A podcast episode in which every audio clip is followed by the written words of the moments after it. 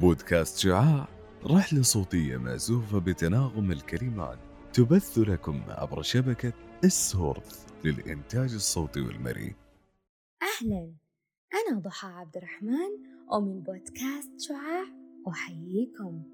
في عام 1854 وتحديدا في شوارع برود. في مدينة لندن انتشر وباء الكوليرا ونتيجة انتشاره أدت إلى وفاة 616 شخص وبسبب الجهل وانتشار الشائعات ظن الجميع أن السبب في انتشار الوباء هو الهواء المنتشر في منطقة سوهو مما أدى إلى استمرار هذه الجائحة واستمرار الخوف منها. استمر هذا الحال إلى أن اكتشف جون سنو فرضية المياه الملوثة حيث أن سبب تفشي العدوى هو المضخة بشارع برود التي كانت مصدر مياه الشرب آنذاك. وأخيرا تم تأكيد هذه الفرضية وانحسار الوباء.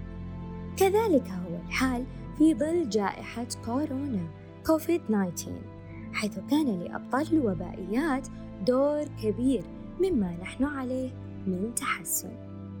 لذا كونوا معنا في رحلة السفر إلى عالم الوبائيات الكبير والذي يحمل في جوفه الكثير من المعلومات.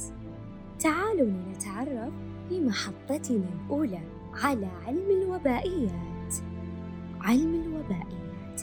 Epidemiology يهتم بدراسة الأمراض المعدية والغير معدية وتحديدا المسببات ووسائل الانتشار وتوزيع الأمراض.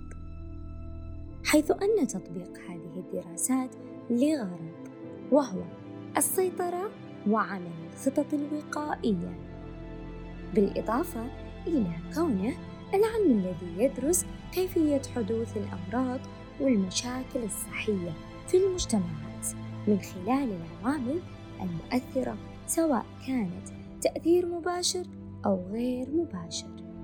والآن لننتقل إلى محطتنا الثانية والتي سنتعرف فيها معا على ماذا يدرس علماء الأوبئة.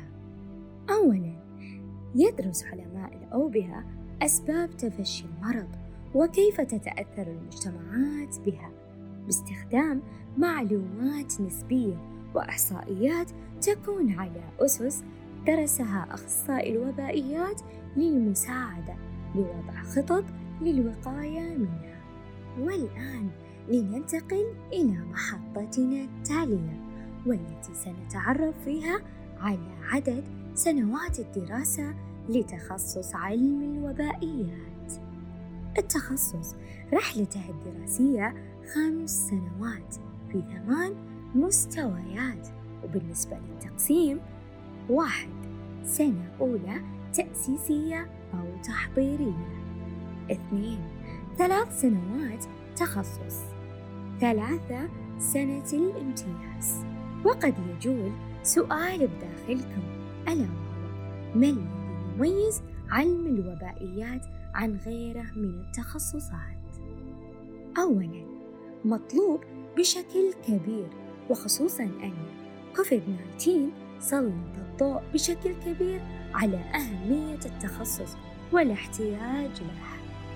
ثانياً يميز أخصائي الوبائيات تعامله فلا يقتصر على الفرد فقط بل يتسع على نطاق المجتمع بأكمله ومقارنة بالتخصصات الصحية فتخصص الوبائيات يكون فيه الاحتكاك بالمرضى قليل عن الغالبية العظمى وهذه ميزة تعتمد على رغبة الشخص.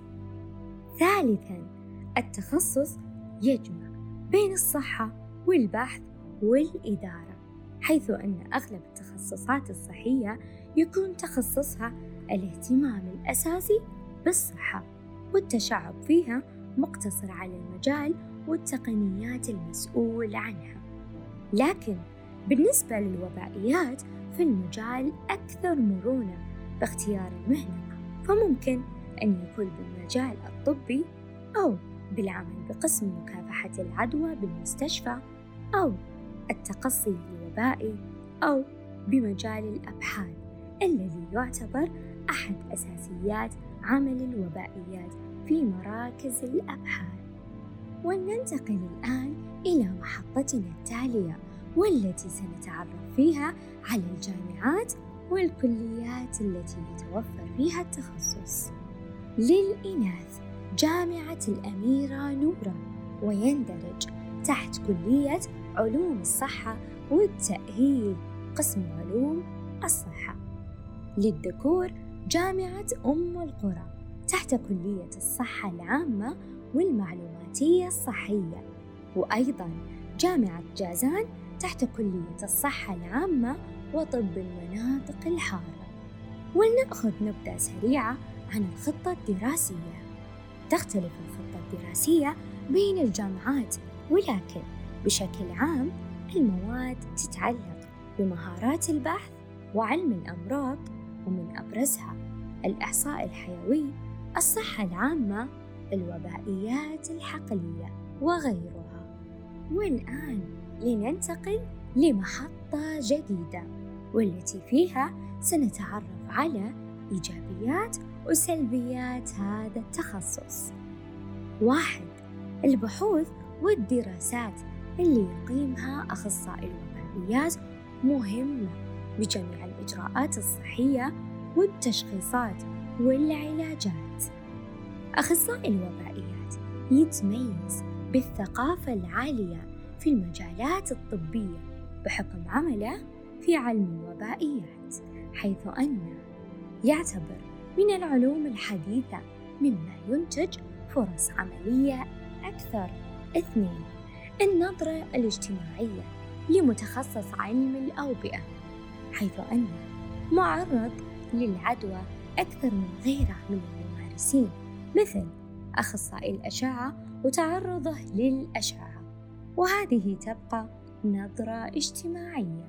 فقد يكون التخصص غير ملائم للأشخاص الغير شغوفين للأبحاث. فالأبحاث في التخصص مهمة جدا سواء كانت خلال الدراسة أو العمل. وهذا يكون من السلبيات.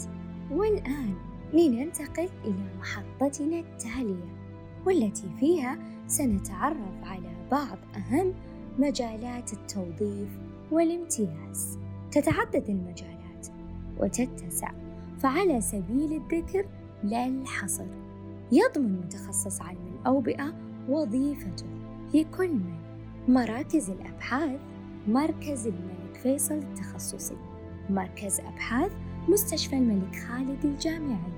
مركز أبحاث مستشفى الملك عبد الله الجامعي. وزارة الصحة في مجال خاص بالوبائيات والذي يعرف ببرنامج الوبائيات الحقلية. الجامعات وغيرهم. أما بالنسبة للمجالات العامة للوظيفة سواء داخل أو خارج المملكة فهي تكون لمنظمات صحية. المعاهد الصحية الوطنية مراكز الإغاثة المستشفيات مراكز الأبحاث هيئة الغذاء والدواء. أخيرا لننتقل لمحطة تحمل الإجابة على سؤال مهم جدا ألا وهو ما دور متخصص علم الوبائيات في ظل جائحة كورونا؟ دوره المهم مبدئيا هو معرفة المسبب وطرق الانتقال والذي على أساسه تم وضع خطط وطرق الوقاية وعمل الأبحاث والدراسات حيث كان هذا دوره في الصحة العامة. أما في المستشفى فقد كان العزل والتعليم الطبي للطاقم والمراقبة المستمرة للإجراءات في المطار. إلى هنا. مستمعينا الأعزاء انتهت رحلتنا الثرية في عالم الوبائيات. ومن هذا المنبر نتوجه بالشكر لكل أبطال الوبائيات الذين قد حاربوا وناضلوا في معركة كوفيد 19 والذي أسفر عنها اليوم العودة بحذر وأمان. وشكرا لاستماعكم أصدقاء شعاع.